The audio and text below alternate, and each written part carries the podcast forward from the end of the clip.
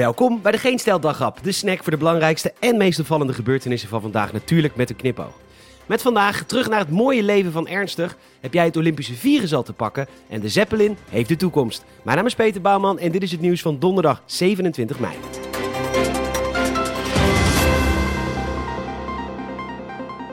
Bron AD.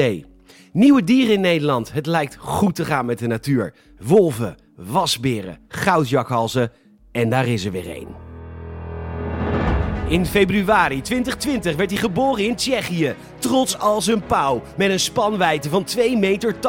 De grootste vogel van Europa. 90 dagen later werd deze prachtige lammergier uitgezet in Frankrijk. Een bijzonder moment. Want eind jaren 70 was het beest bijna uitgestorven vanwege de jacht op het dier. Angele trok daarna de wijde wereld in. De wind onder de vleugels, de zon op de kop. Normaal gesproken blijven ze in de bergen, maar niet Angele. De wereld aan zijn poten, de toekomst lacht. Angele wilde meer, verder. En daar ging hij, heel Frankrijk door, richting het noorden. Het zal toch niet? Hij zal toch niet naar Nederland komen, waar de lammergier zelden is gespot? België, Brussel, Antwerpen, oh mijn god, het gebeurt! Hij komt naar Nederland, Zeeland, Zuid-Holland, Noord... Kut. Windmolen. Shit. Au, au, au, au, au. Oh, shit. Het kut. Oh, het ziet er ook... Oh, gebroken nek ook. Oh, god. Jezus Christus. Oh, man. Nou, um, jemig. Nou, uh, lekker gewerkt, wetenschappers in Tsjechië en Frankrijk. En um, shit, ja. Sorry. Namens de hele redactie van Geen Stijl willen wij de regio's Zaanstreek, Waterland en Gooi en Verstreek van harte feliciteren. Dit zijn de eerste twee regio's die niet meer het predicaat zeer ernstig hebben met betrekking tot de pandemie. Zij zijn nu slechts ernstig. En weet je nog hoe het leven was toen het nog maar ernstig was? Met 30 man in een restaurant, lekker naar de bioscoop met z'n 30, het museum. Ik verlang terug naar ernstig. Maar gelukkig gaat dat snel gebeuren. Voor het eerst sinds 11 oktober liggen er minder dan 1000 COVID-patiënten op de verpleegafdelingen. Aantal meldingen van besmettingen ligt op het laagste niveau sinds 2 oktober, toen het land nog gewoon ernstig was. Nou ja, binnenkort is het voor ons allemaal weer gewoon ernstig.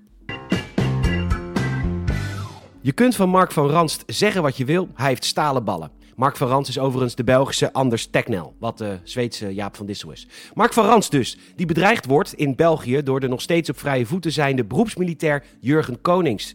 Van Rans is daarom nog steeds ondergedoken en hij heeft klaarblijkelijk nogal wat tijd om handen. En zoals gezegd, ballen van staal. Hij zit namelijk in berichtenservice Telegram in een groep van aanhangers van de gezochte militair een beetje van zich af te bijten. De groep heet als één man achter Jurgen, telt duizend leden en om half drie in de nacht kwam Van Ranst onder zijn eigen naam binnen. De boodschap, ik dacht eens te komen scouten om te kijken welke creativiteit hier opborrelt. Ik moet zeggen, ik ben teleurgesteld. En veel schrijffouten? Niveau nihil. Maar ja, wat wil je dan verwachten van een groepje terroristenondersteuners? En daarna sloot hij af met, wel trusten strijders.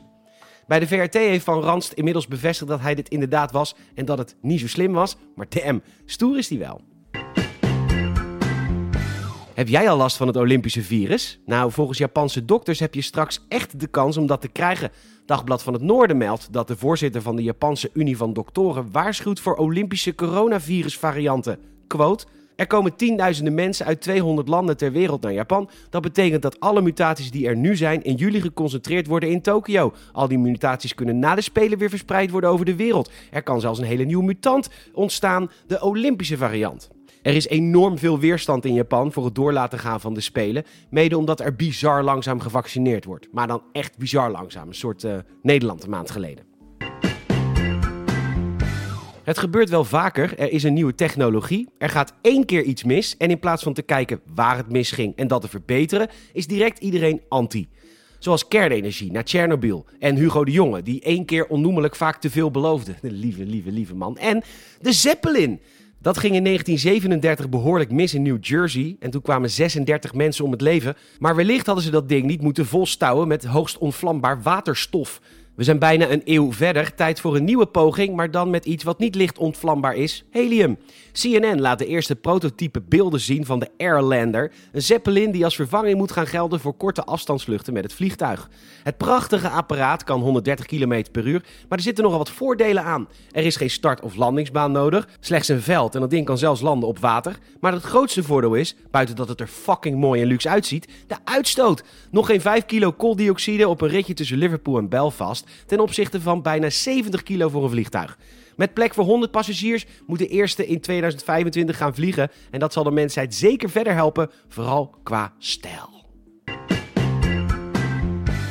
Bedankt voor het luisteren en je zelfs enorm helpen. Als je een vriend of vriendin vertelt over deze podcast, ook een Apple Podcast review zouden we enorm waarderen. Nogmaals bedankt en tot morgen.